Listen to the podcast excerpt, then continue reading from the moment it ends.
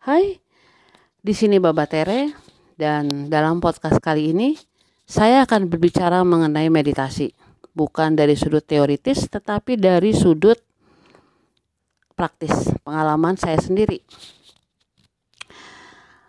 Jauh sebelum meditasi menjadi bagian dari kehidupan saya, saya diingatkan oleh sebuah lagu dan lagu itu menjadi portal Lagunya dari Simon and Garfunkel. Judulnya Silence. Jauh sebelum lagu Simon and Garfunkel hadir dalam hidup saya, ada sebuah novel karangan Susaku Endo yang berjudul Silence. Jadi temanya silence ya. Silence itu artinya hening. Nah, dalam lagu itu dikatakan begini. Hello darkness my old friends. I've come to talk with you again. Na na na na na na na na na. Listen to the sound of silence. Lagu itu terus berputar selama beberapa tahun dan dalam beberapa tahun itu Baba selalu bermimpi tentang kuburan. Jadi terbangun dalam mimpi ini terbangun berada dalam hamparan kuburan kuno. Jumlahnya ratusan. Bapak ada di tengah-tengah kuburan itu. Bingung. Apa ini? Lalu mimpi tentang kematian. Banyak sekali kematian-kematian yang merikan. Kadang sering sekali peti mati. Lalu ada pemakaman. Terus ada upacara funeral ya. Upacara arwah. Duh, dan itu menakutkan sekali. Benar-benar menakutkan. Sampai tiba pada titik parno. Setiap kali ada yang meninggal, saya itu minta untuk bisa tidur bareng sama teman seasrama. Atau eh, nggak uh, tidur semalaman. Takutnya banget takut banget. Nah atau kalau misalnya sedang melewati suatu jalan lalu ada kuburan umum lalu langsung saya nyebrang jalan. Dan nggak berani lihat kuburan takut banget itu terjadi sampai usia 30 tahun. Parnonya kuat banget. Triggernya adalah ketika adik saya meninggal di usia 5 bulan. Waktu itu saya berusia sekitar 7 tahun. Dan saya ingat di foto-foto yang saya lihat, saya nggak berani menatap adik saya. Takut banget, takut banget. Dan nggak ada yang tahu. Sampai umur 30 itu nggak ada yang tahu bahwa saya benar-benar traumatik dengan ketakutan. Dan saya heran, kenapa kok saya takut mati banget ya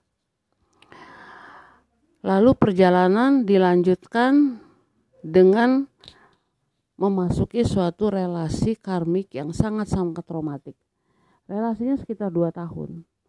Dan relasi itu benar-benar membuat saya berdarah-darah. Sampai puncaknya adalah suatu malam bulan purnama. Tahun 1994 di sebuah danau bernama Danau Karasaki di luar kota Tokyo. Itu malam itu ketika saya melihat bulan purnama lalu saya menangis. Menangis sejadi-jadinya karena saya merasakan sakit yang sangat-sangat uh, kuat di seluruh tubuh saya. Saya ngerasa kayak saya disayat-sayat oleh pisau. Sakit banget selama dari jam sekitar jam 10 malam sampai sekitar jam 3 pagi sakit banget uh, lalu memori itu membuat saya sadar. Lalu saya minta pada semesta. Saya sadar bahwa walaupun relasi karmik itu sangat-sangat traumatik dan sangat-sangat menginjak-injak harga diri saya ternyata itu tidak setakut ketika kita melepaskan hubungan karmik itu lalu kita masuk ke dalam jiwa kita dan mulai melakukan perjalanan menyembuhkan luka batin, menyembuhkan inner child. Dan di bulan Oktober tahun 94 saya menyerah. Saya surrender. Setelah bertahun-tahun relasi yang saya masuki itu berbeda nama orang, berbeda suku bangsa, berbeda agama, tapi intinya sama relasi yang benar-benar penuh dengan kekerasan, terutama kekerasan emosional dan kekerasan seksual. Akhirnya saya surrender, lalu saya minta tolong, dan saya ditolong. Jadi saya akhirnya difasilitasi oleh semesta menjadi bagian dari suatu treatment center yang sangat-sangat mewah di dunia ini. Hanya bintang film Hollywood yang bisa menjadi bagian dari treatment center seperti itu dan saya menjadi bagian dari treatment center itu di negara bagian New Jersey di sebuah tempat yang bahkan di peta tidak ada. Saya pikir, aduh saya dibawa ke mana ini ya? Nah, di situ saya bertemu dengan apa yang disebut meditasi. Dan saya ingat ya, ketika saya disuruh meditasi, itu nggak lebih dari satu menit saya gelisah banget. Nggak bisa apa-apa. Sudah duduk meditasi orang-orang semua pada meditasi tenang menghadap laut yang indah gitu ya. saya nggak bisa. Saya gelisah saya takut. Saya takut masuk dalam keheningan. Lalu saya ingat lagu Silence dari Simon and Garfunkel. Hello darkness my old friend. Halo kegelapan sahabat saya dari satu menit meditasi itu kemudian saya diajak untuk masuk ke dalam menemukan proses menemukan inner child saya. Dan saya mimpi lagi. Mimpinya adalah saya berada di sebuah padang rumput yang hijau.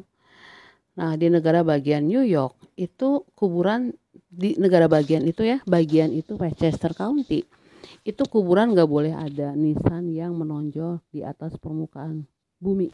Jadi semuanya sejajar dengan rumput. Jadi saya nggak tahu kalau itu kuburan. Kemudian saya berjalan, tiba-tiba saya melihat ada nisan dan nisan itu tertulis nama saya. Dan saya meninggal di usia 8 tahun. Sekarang saya ingat bahwa di usia 8 tahun, 7-8 tahun tuh saya ingat tiba-tiba saya nggak bisa terbang. Padahal sebelumnya saya bisa terbang loh. Aneh. Dan sahabat saya, unicorn, itu seekor kuda terbang bernama Sembrani, nggak ada gitu. Saya heran banget umur 8 tahun kok tiba-tiba dunia saya berubah. Udah nggak bisa terbang. Sahabat saya si kuda terbang hilang gitu ya. Dan mungkin saya mati secara emosional di usia 8 tahun. Dan saya benar-benar kaget. Ketika saya bangun, Lalu saya sadar bahwa jauh sebelum adik saya meninggal, itu saya sudah lama meninggal. Saya sudah takut pada kematian. Waktu itu saya nggak tahu ada reinkarnasi, sama sekali nggak tahu. Jadi saya pikir apa yang salah dengan diri saya ya? Kok di usia kecil itu kok saya takut pada kematian ya? Dan ketika salah seorang eh, kenalan ibu saya meninggal dunia, itu saya nangisnya kayak menangisi ibu saya sendiri. Aneh banget. Jadi jadi ternyata pengenalan saya dengan meditasi itu ada hubungannya dengan kegelapan. Jadi saya selalu pikir ya kalau orang meditasi itu lalu mencapai tingkat kedamaian hati kepasrahan, koneksitas yang baik dengan Tuhan. Ternyata pengalaman saya nggak seperti itu. Ketika saya mulai duduk meditasi dalam jangka waktu 3 menit, saya langsung gelisah. Lalu nggak tahan pada keheningan itu. Lalu mulai bilang sama konselor-konselor saya, saya nggak bisa meditasi. Saya nggak mampu meditasi. Lalu mereka mengatakan bahwa di treatment center itu semua wajib dilakukan kecuali relasi dengan Tuhan. Itu adalah hal yang pribadi, jadi silahkan berproses sendiri. Dan itu untuk pertama kalinya saya merasa sangat-sangat lega. Karena selama sebelum itu, Tuhan itu dipaksakan, relasi dengan Tuhan itu ditentukan oleh tradisi saya, oleh keluarga saya, terutama oleh ayah saya yang sangat-sangat otoriter yang menamakan dirinya wakil Tuhan di dunia. Jadi konselor saya mengatakan bahwa nggak apa-apa, nanti Tuhannya datang belakangan. Yang penting kamu harus menemukan jiwa kamu yang hilang. Maka dimulailah proses mencari inner child. Nama lain dari jiwa. Dan inner child itu saya panggil dengan sebutan little Essie. Little Essie. Lalu saya mulai melakukan relasi dengan little Essie ya. Pertama kali saya ketemukan little Essie ini dia sedang bersembunyi di bawah tempat tidur. Sesuatu yang dilakukan ketika masih kecil, ketika sesuatu yang uh, menakutkan terjadi, itu saya sembunyi di balik tempat tidur, di balik selimut, lalu akhirnya bersembunyi di dalam kamar. Dan lama-kelamaan, karena kami tinggal di atas sebuah bukit di daerah Bandung Utara, dan rumah peninggalan Belanda itu adalah satu-satu rumah di satu-satunya rumah di atas bukit itu. Jadi saya mulai bersembunyi di dalam rumah dengan terali-terali besi dan pintu yang terkunci. Selama bertahun-tahun memori saya adalah memori terkunci di dalam kubus rumah Belanda itu. Nah, ketika saya keluar dari rumah itu, ketika orang tua saya nggak ada siapa pun di rumah, saya duduk di halaman rumah yang penuh dengan hutan pinus, lalu melihat ke bawah bukit yang penuh dengan semak-semak, lalu saya merasa bahwa saya benar-benar sendirian. Gak ada seorang pun yang menemani saya. Nah, memori-memori inner child itu hadir kembali di dalam proses penyembuhan jiwa, penyembuhan luka batin masa kecil. Lalu mulai, saya ingat ketika saya mulai sekolah, saya bersekolah di sebuah sekolah yang juga bangunan Belanda yang besar banget. Dan satu-satunya tempat yang membuat saya nyaman adalah di bawah pohon beringin di tengah-tengah sekolah. Di, di situ saya bisa bernafas lalu saya mulai berbicara dengan burung-burung yang terbang di dan hinggap di pohon beringin itu. Saya mulai bersahabat dengan burung-burung ya saya bilang gini saya juga dulu bisa terbang tapi sekarang saya nggak bisa terbang. Aneh ya. Dan saya merasa iri dengan mereka karena mereka terbang bebas dan mereka nggak usah sekolah. Saya pikir aduh gimana ini nasib saya? Nah setiap kali saya duduk di kelas atau di aula saya melihat ke belakang di jendela itu saya ngeliat burung-burung terbang di luar bebas.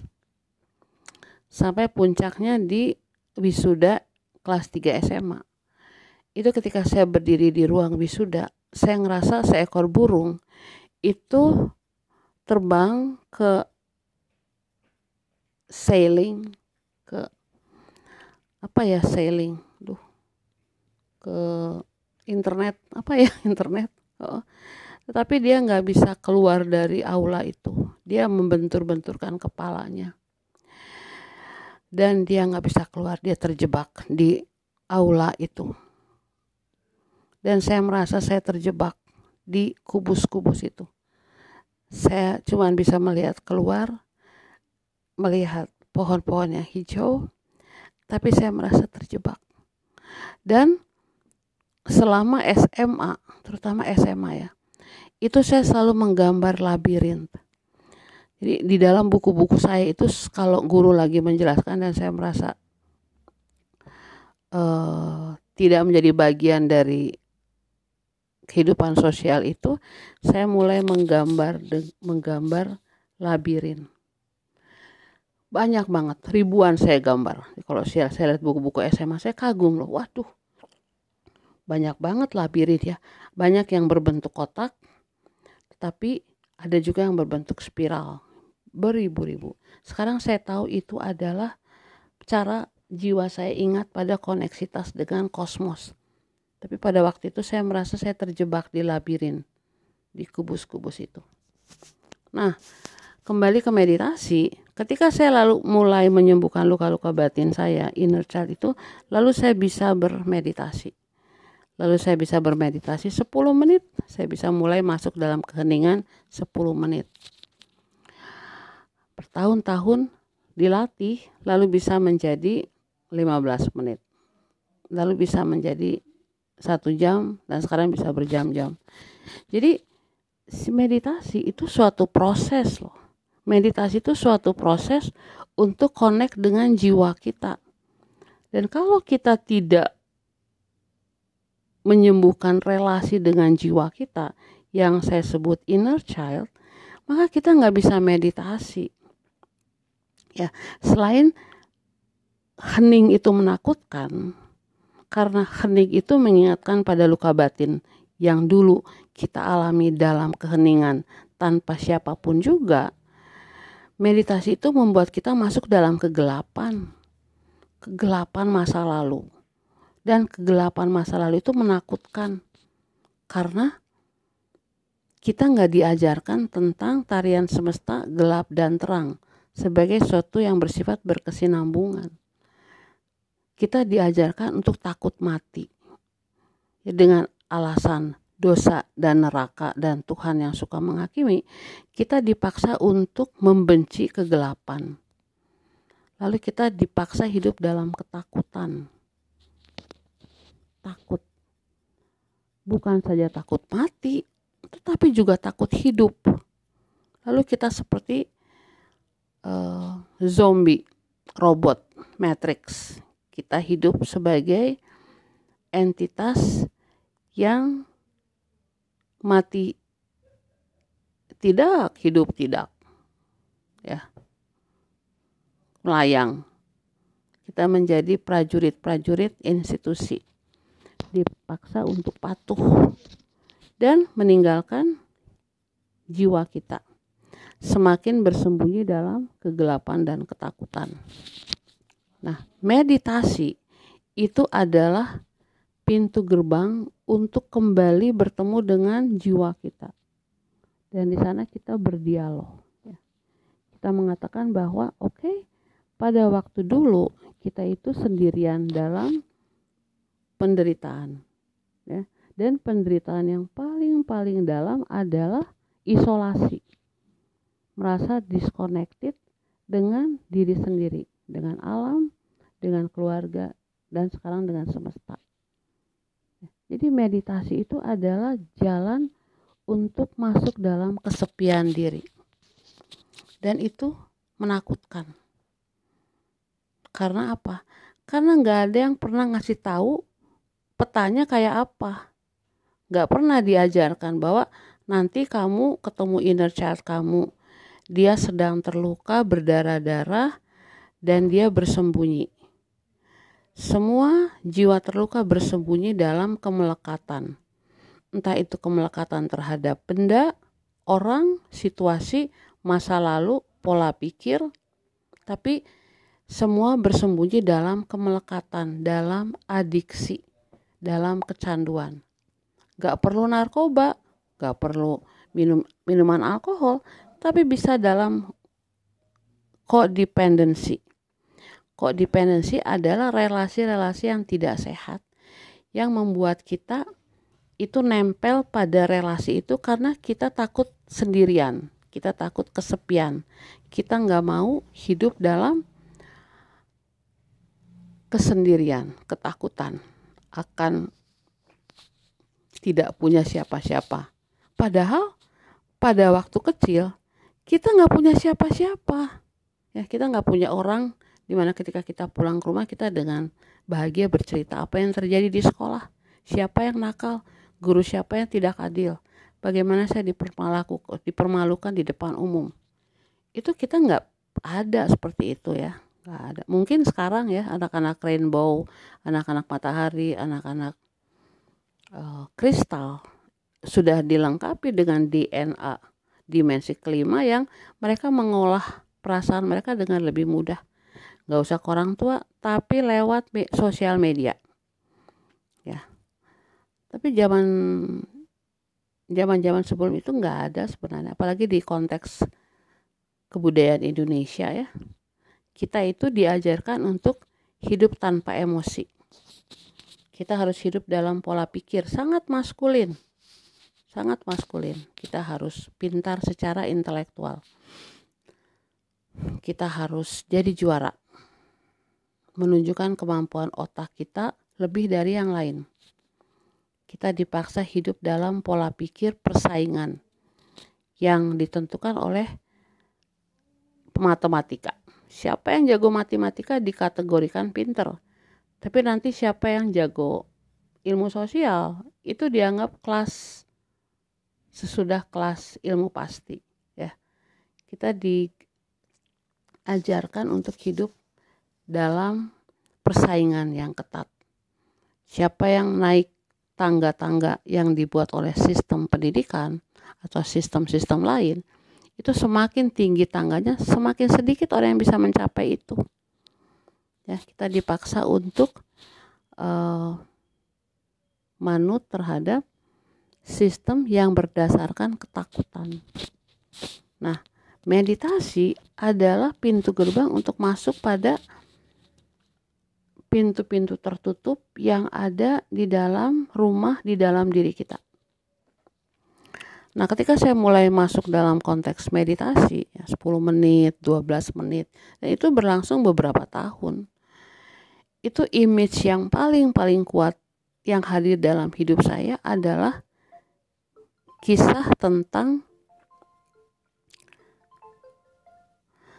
kisah tentang uh, seorang kaya yang kerjaannya itu adalah menikahi gadis-gadis yang ada di sekitar orang itu. Nah, lalu setiap gadis yang datang ke rumah mewah sang orang kaya ini boleh memasuk ke setiap ruangan kecuali kamar nomor 13. Lalu seorang gadis itu mencari kakaknya yang sudah menikah dengan si laki-laki kaya itu dan dia menembus tabu itu dengan uh, dengan membuka pintu terlarang dan ternyata di dalamnya adalah mayat-mayat dari gadis-gadis sebelumnya yang dinikahi oleh laki-laki itu. Dan saya merasa bahwa satu-satunya cara untuk menyelamatkan diri adalah masuk dalam kamar yang dilarang itu, masuk pintu terlarang. Begitu. Image-nya sangat-sangat kuat tentang pintu terlarang. Nah, meditasi itu adalah masuk pintu terlarang. Ya, karena kehidupan yang sebenarnya ada di balik pintu terlarang itu. Pintu-pintu tabu yang tidak boleh dibuka, apalagi dimasuki dalam uh, masa kecil kita. Ya, jangan masuk uh, rumah ibadah yang lain, misalnya ya, atau tidak boleh menikah dengan orang beragama lain. Atau misalnya suku lain itu tidak sesuai dengan bibit bobot-bobot sehingga itu adalah tabu. Dan ada ancaman kutukan kalau misalnya masuk dalam pintu tabu, ancamannya adalah selain dicaci maki juga diekskomunikasi, putuskan hubungan darah. Nah, kutuk mengutuk dan ancam mengancam itu adalah portal untuk melampaui batas-batas ilusi yang dibuat oleh manusia. Dilakukan melalui meditasi. Jadi meditasi ini portal portal masuk kegelapan. Dulu saya pikir kalau udah meditasi semuanya bercahaya, indah, berbunga, hijau, musim semi, abadi. Ternyata tidak, teman-teman meditasi itu masuk dalam kegelapan, dalam pintu-pintu yang terkunci. Dan selama itu saya pikir kuncinya dipegang oleh orang lain. Ternyata kuncinya dipegang oleh kita. Kuncinya sudah ada di dalam diri kita. Ya, apa sih kuncinya? Kuncinya adalah hati nurani kita yang sudah berkarat karena tidak pernah dipakai, dilarang untuk dipakai ya kita hidup tanpa hati nurani karena kita harus tidak boleh egoistik kita harus membuat orang lain bahagia.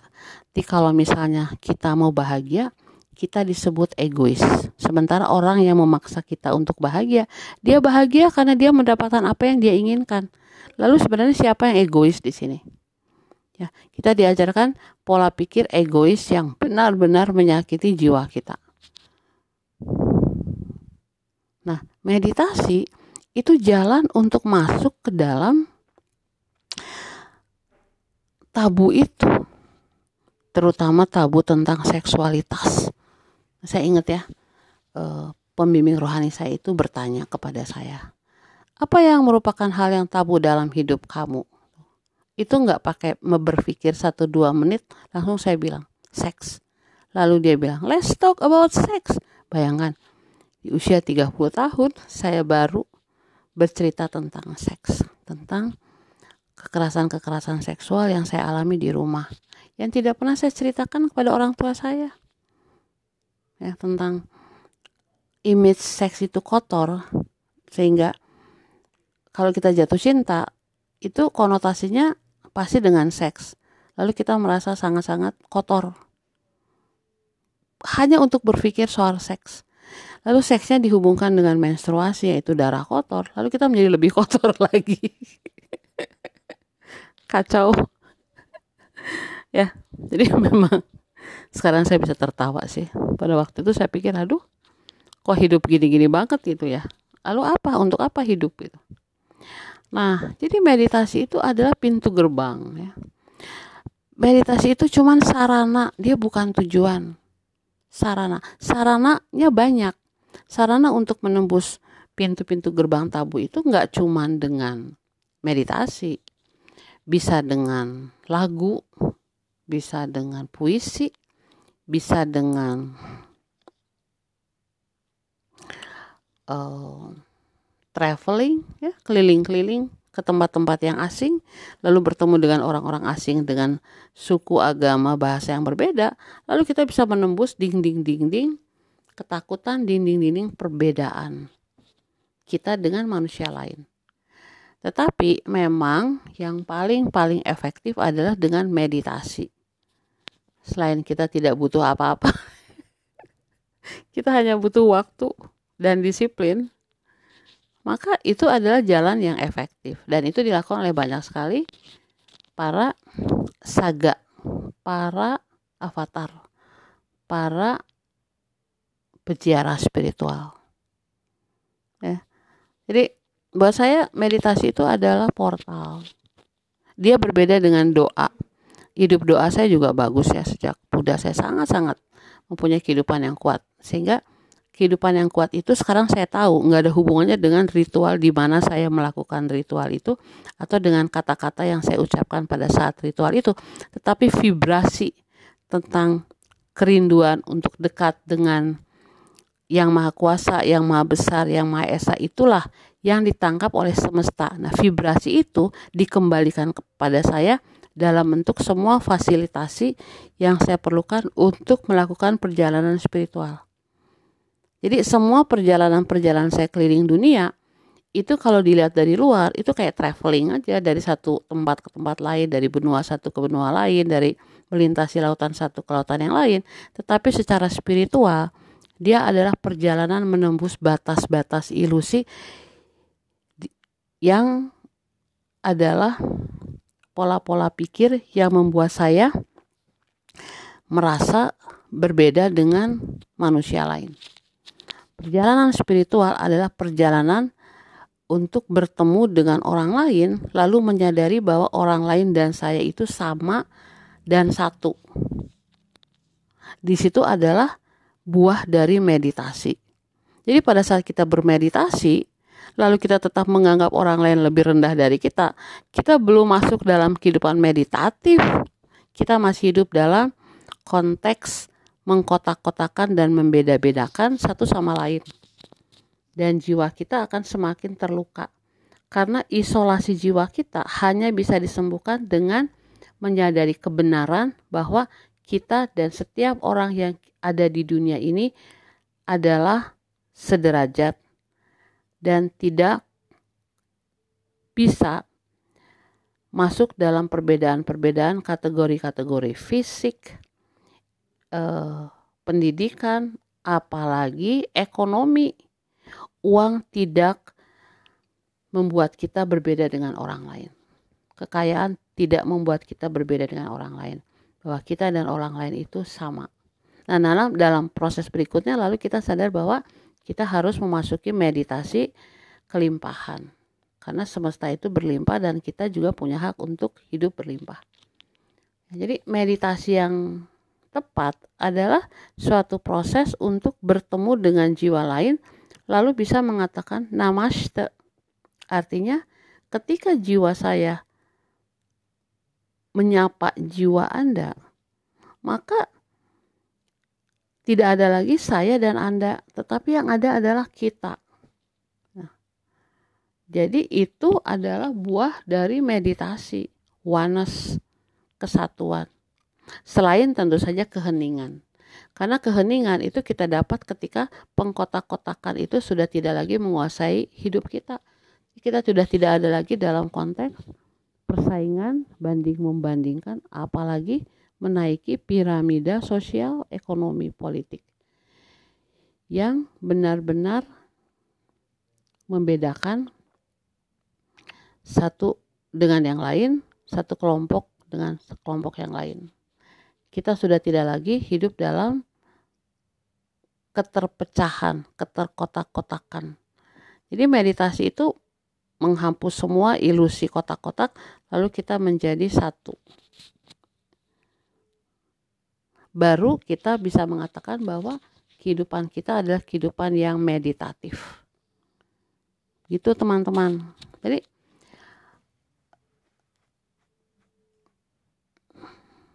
meditasi itu adalah nafas kita, nafas spiritual kita. Nah, kembali lagi kepada perjalanan meditasi saya ya. Jadi akhirnya saya mulai bisa bermeditasi antara ya 10 sampai 15 menit. Dan itu menurut saya udah bagus ya. Udah bagus. Wah, senang banget. Nah, semesta itu punya agenda lain dalam hidup kita. Yang menentukan hidup kita adalah kontrak jiwa kita sebelum kita datang ke bumi ini. Kita sudah menandatangani kontrak. Tapi ketika kita masuk ke bumi, itu kita diselimuti oleh kabut lupa. Kita lupa. Kita lupa siapa kita dan asal muasal kita. Tujuannya apa? Tujuannya adalah supaya kita bereksplorasi bereksperience, bereksperimen, berevolusi, tetapi terutama untuk berekspansi. Jadi, ekspansi itu adalah bagian dari hukum perubahan. Ya, ada hukum semesta namanya hukum perubahan. Bahwa segala sesuatu itu berubah kecuali perubahan itu sendiri. Jadi kalau kita misalnya kekeh tidak mau berubah dan tetap pada pola pikir kita, status kita, itu kita udah mati secara jiwa. Karena nggak ada tarian semesta ekspansi dan konstruksi. Sementara di semesta itu, itu ada yang disebut kurva 6, 369. Kurva 369 itu adalah kurva yang kita berekspansi ya ke atas, lalu melewati batas normal lalu kita ke bawah kita berkonstruksi. Dari angka 3 lalu nanti kurvanya naik ke angka 6 turun ke angka 6 bawah lalu 9 ke atas 9 ke bawah. Tetapi polanya bukan atas lawan bawah tapi merupakan satu kesatuan yang harmonis. Nah kita melakukan tarian tarian semesta. Kosmos yang ada di luar sana itu ternyata adalah kosmik yang ada di dalam diri kita. Ini saya ingat tuh waktu saya ingat ya, saya udah meditasi bertahun-tahun. Lalu saya dikasih anugerah seorang anak anak saya itu e, buat saya adalah hal yang paling berharga dalam hidup saya. Jadi dalam golden years-nya, lima tahun pertama, saya memutuskan untuk tidak melakukan apa-apa kecuali menemani dia melewati tahun-tahun goldennya.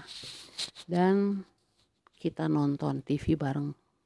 Waktu itu ada film namanya Krishna. Nah, si Little Krishna ini, dia warnanya biru ya. Suatu hari, dia memakan sesuatu.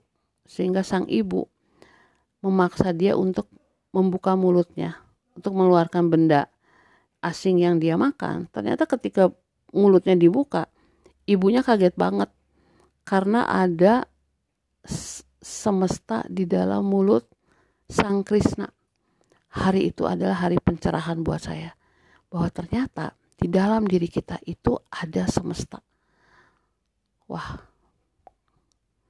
Sekarang saya baru tahu kalau Krishna itu memang adalah makhluk biru dari planet biru yang memang datang ke bumi untuk menurunkan agama Hindu. Supaya kita punya pola pikir oneness ya. Melalui apa pun yang terjadi misalnya kasta-kasta melalui tiga dewa. Tapi itu adalah suatu apa ya suatu bantuan dari mereka yang berad, berperadaban dengan kesadaran tinggi yang memang membantu bumi yang masih tertatih-tatih dengan pola pikir dimensi ketiga jadi kosmos itu punya cara untuk mengingatkan kepada kita bahwa kita harus berekspansi.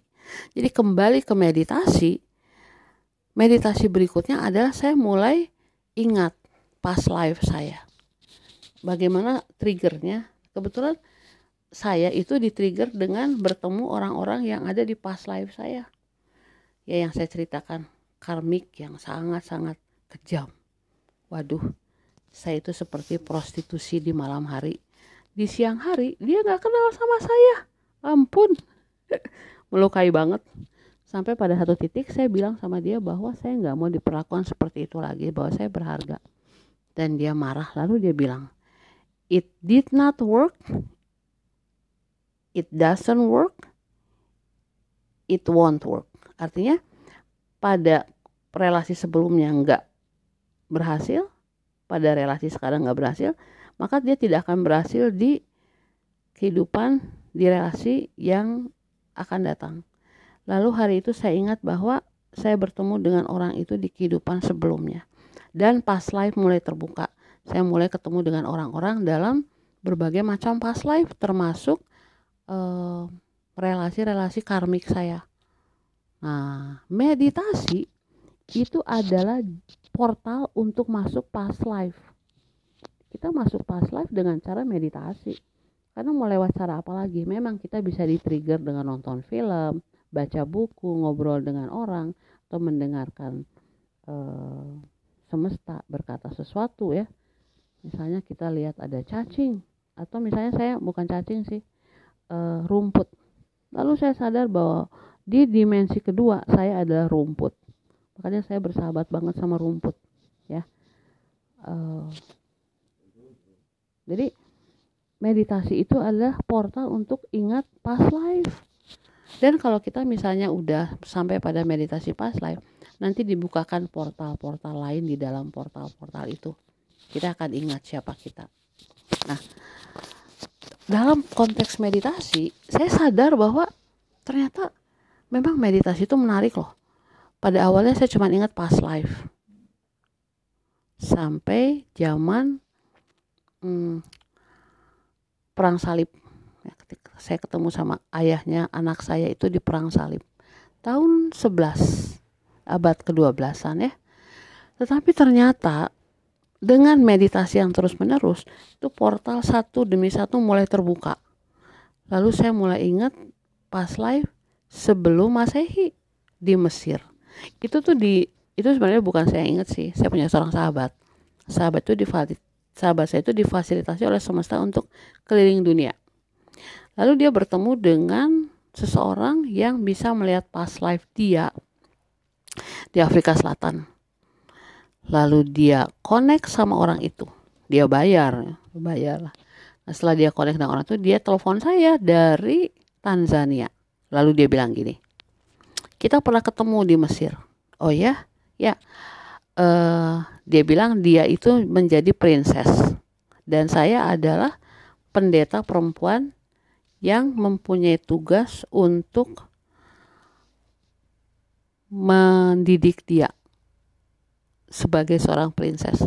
Nah itu terjadi sebelum anak saya lahir. Wah udah lama banget. Tapi dengan meditasi yang semakin jelas, lalu kemarin di padang bulan ya, ketika saya sama The Wanderer Indonesia bermeditasi kolektif di atas itu, lalu saya sadar bahwa saya memang adalah pendeta di zaman Mesir. Dan saya ketemu sama kepala tempelnya, kepala kuilnya, yang ada juga orang Wanderer juga. Lalu saya mulai ingat kembali tugas saya waktu itu. Tugas saya adalah sebagai seorang pendeta perempuan pada zaman Mesir itu saya bertugas untuk membaca data-data dari semesta melalui air. Jadi kalau kita lihat, ben, uh, saya udah jelaskan di podcast lain ya. Piramida itu kan dia berbentuk segitiga dengan tiga sisi di atas permukaan bumi. Ternyata di bawah bumi ada juga segitiga yang sama dan sebangun yang berada di bawah bumi. Nah, di tengah-tengahnya, jauh di bawah permukaan bumi, itu ada sebuah chamber atau sebuah ruang sakral di mana para pendeta itu melakukan downloading data semesta melalui media air. Nah, tugas saya adalah seperti itu. Untuk menerima downloading data. Jadi saya ngerti sekarang, oh begitu ya. Ternyata meditasi itu membuat kita terus berekspansi menembus batas ruang dan waktu, akhirnya saya menemukan apa yang sudah saya ketahui sejak saya masih kecil, yaitu reinkarnasi pada zaman Lemuria sebagai seekor ikan paus. Jadi saya sudah cerita berkali-kali di podcast saya atau di channel YouTube saya bahwa ketika saya masih kecil itu ayah saya selalu bercerita bahwa kita adalah turunan ikan paus dan kebetulan atau nggak kebetulan sih ya desa asal ayah saya itu namanya Lor Wembun Lor artinya ikan paus Embun artinya cucu jadi mereka yang ada di desa itu yakin bahwa mereka adalah turunan ikan paus Lalu diceritakan seekor ikan paus, paus datang dan kebetulan ikan paus itu mempunyai seorang anak manusia sehingga anak manusia itu akhirnya menikah dengan nenek moyang kami ceritanya seperti itu dan saya begitu yakin loh bahwa saya adalah keturunan ikan paus. Sampai ketika saya cerita pada teman saya waktu saya kelas 2 SD, itu saya diketawain. Habis-habisan sampai saya malu banget. Jadi, jadi saya nggak pernah cerita lagi sampai setelah saya dewasa. Ketika saya ke Hawaii, ke ke mana ya ke Nagasaki ke Hokkaido bukan ke Yokohama di Yokohama atau ke Teluk Tokyo itu saya merasakan koneksitas dengan ikan paus yang sangat kuat. Jadi suatu hari saya diajak jam 3 pagi ke pasar ikan, pasar lelang ikan di Tokyo. Wah keren banget. Kapal-kapal besar menurunkan ikan-ikan dari kapal. Ada ikan segede meja, meja belajar. Itu ikan paus. Jadi ketika saya melewati pasar itu malam itu ya dengan beberapa teman, touring lah. Touring pasar ikan, keren banget. Lalu saya merasa koneksitas dengan ikan paus yang dibunuh.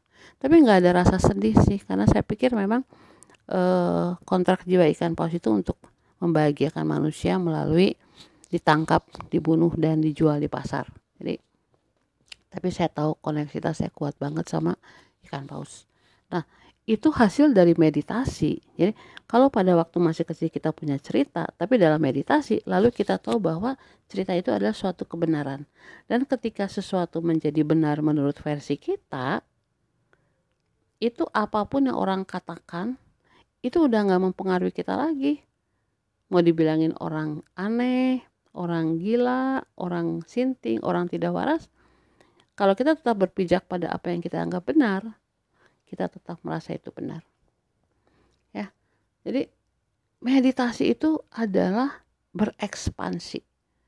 Berekspansi sampai akhirnya setelah zaman Lemuria lalu akhirnya connect dengan kehidupan jauh sebelum Lemuria ya, kehidupan di tempat-tempat lain. Jadi yang saya ingat adalah bahwa saya memang misinya misinya bumi, misi bumi banget.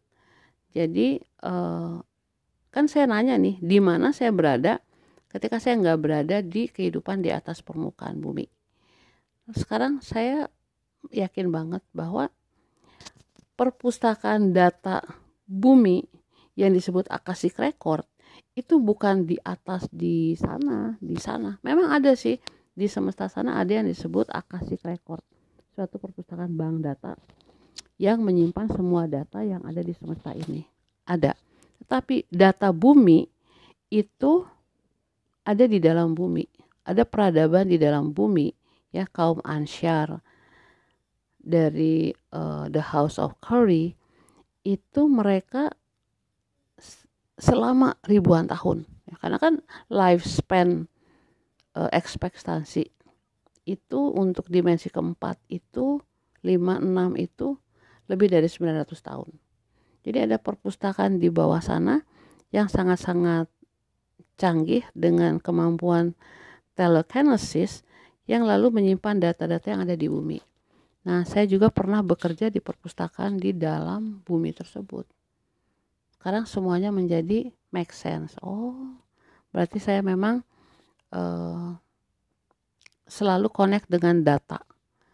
Data perpustakaan data perpustakaan data perpustakaan.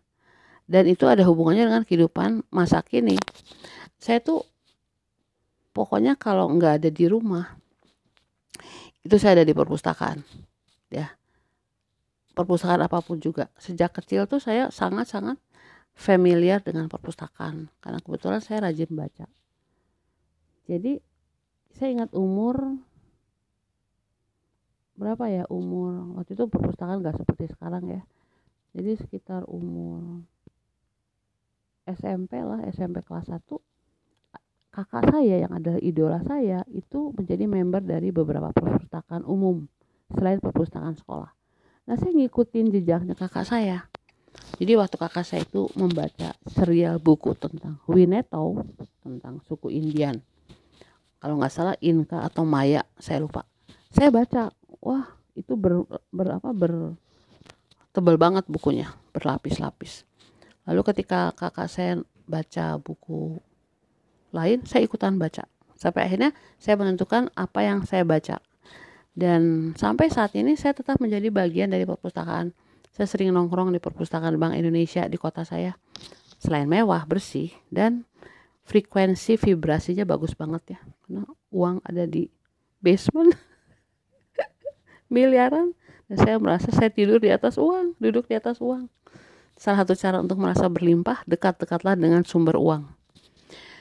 Ya, teman-teman. Jadi itu salah satu hasil dari meditasi ekspansi lalu mengenal past life kita seperti apa selain mungkin asal usul di semesta sana ya. Suatu saat saya akan buat podcast tentang itu juga. Jadi saya merasa bahwa uh, semua itu saya dapatkan melalui meditasi ya. Meditasi itu adalah portal. Dia bukan tujuan. Jadi kita jangan mengatakan oh sekarang saya udah meditasi dua jam. Berarti saya hebat. Bukan itu yang penting. Meditasi itu sarana jalan. Dia vehicles. Dia alat transportasi dia semacam mobil yang membawa kita untuk masuk pada gerbang-gerbang yang semakin lama semakin berlapis, semakin dalam. Sampai akhirnya kita pada yang disebut titik zero point. Ketika lalu kita tidak lagi menjadi korban pendulum ekstrim uh, positif negatif, tetapi kita hidup dalam keheningan di dalam kegelapan. Dan itu adalah makna dari lagu silence-nya si Simon and Garfunkel. Hello darkness, my old friends. Karena ternyata kegelapan itu adalah sahabat saya. Dan saya bertemu lagi dengan sahabat saya melalui silence, melalui keheningan dalam kehidupan meditasi. Dan dan meditasi itu berhasil kalau kita bisa sampai pada keheningan di tengah hiruk pikuk. Ya. Jadi kalau kita di tempat di mana ribut banget ya baik secara uh, real ya banyak orang yang ngomong gitu ya di stadium atau di dalam kepala kita yang penuh dengan hiruk pikuk. Karena banyak percakapan yang lalu lalang di kepala kita. Lalu kita kita mencapai tingkat keheningan momentum. Dari no moment ke no moment itu berarti kita berhasil mempergunakan sarana meditasi secara efektif, secara tepat guna. Dan tujuannya itu sebenarnya. Jadi tujuannya bukan meditasi ya teman-teman. Tujuannya adalah silence, zero point, no moment. Dan itu bisa dilakukan kalau kita sudah melewati penyembuhan inner child, lalu kita sudah melewati uh, portal menembus past life sehingga sekarang kita tahu past life kita siapa, lalu kita tahu siapa kita dan asal muasal kita. Kita ingat kontrak jiwa kita yang pertama, apa yang harus kita lakukan di Indonesia khususnya di tahun 2020 ya. Itu semua adalah sesuatu yang sangat-sangat exciting, teman-teman. Exciting banget. Mengagumkan. Baik, ini adalah podcast tentang sharing saya tentang perjalanan meditasi saya oh ya sedikit informasi jadi ternyata ketika saya di Danau Karasakarawaki Karasaki ya Karasaki di luar kota Tokyo ketika saya merasa saya di apa disilet-silet oleh di apa disayat-sayat oleh ribuan pisau dengan berbagai ukuran itu adalah memori ketika saya dipersembahkan di hadapan sang bulan. Jadi kayaknya salah satu suku Indian di Amerika Selatan itu mempunyai kebiasaan mempersembahkan kemurnian kepada sang bulan. Dan saya waktu itu dipilih karena saya murni dan saya pandai. Jadi tepat untuk dijadikan sesaja bagi Dewi Bulan dan memori itu hadir. Saya punya saya ingat di atas batu lalu banyak orang menari-menari di bawah batu itu ya menciptakan koneksi dengan semesta melalui sound. Lalu saya mulai disilet-silet atau disayat-sayat dengan pisau dan darahnya itu diminum. Itu yang membuat sakit sebenarnya. Dan bulan purnama malam itu mengingatkan saya pada pengalaman past life itu. Dan itu adalah uh, bagian dari kontrak jiwa saya untuk membantu orang-orang dari suku itu mencapai tingkat kemurnian, kepolosan yang diibaratkan sebagai kesucian seorang perempuan, seorang gadis. Ya kalau lihat itu lalu kita nggak merasa sakit hati, nggak merasa terluka, apalagi dendam. Kan itu bagian dari kontrak jiwa untuk menjadi bagian dengan misi sesuatu yang jauh lebih besar daripada agenda kita sendiri. Gitu. Nah, demikian dulu ya sharing saya. Mudah-mudahan bisa membantu memberikan inspirasi pada Anda tentang meditasi. Jadi begini, kalau mau belajar meditasi, di YouTube itu bertebaran teknik-teknik meditasi. Pilih salah satu, tekuni, disiplin, lalu minta tuntunan higher self. Ya, apa itu higher self nanti saya akan buat dalam podcast berikutnya higher self. Kita minta tuntunan dan ingat begitu kita mengambil keputusan untuk melakukan perjalanan meditatif, kita udah nggak punya kontrol ke mana perjalanan jiwa itu akan uh, menem akan apa ya akan berjalan. Kita nggak tahu apa yang akan kita tempuh. Ya, jadi kita lepas kontrol mengikuti guide kita dan kita akan menemukan banyak hal yang sangat exciting dalam proses ekspansi kita. Dan itu yang penting kayaknya dalam hidup. Karena mau apa lagi gitu ya selain ekspansi, ekspansi dan ekspansi. Oke. Okay? Baik teman-teman, terima kasih untuk menyimak podcast ini. Jadi uh, kalau Anda tertarik silahkan connect ke channel YouTube saya Baba Tere kalau nggak salah Baba Tere The Light Worker Indonesia. Tapi lalu saya ganti menjadi Baba Tere The Wanderer Indonesia. Situ uh, banyak kisah-kisah pencerahan saya. Semoga membantu di masa transformasi bumi ini. Terima kasih untuk pertemuan meditatif kita ini. Selamat bermeditasi selamat berekspansi Selamat menempuh perjalanan ke dalam diri yang sangat-sangat powerful. yang hanya bisa dilakukan melalui meditasi. Namaste, jangan lupa bahagia.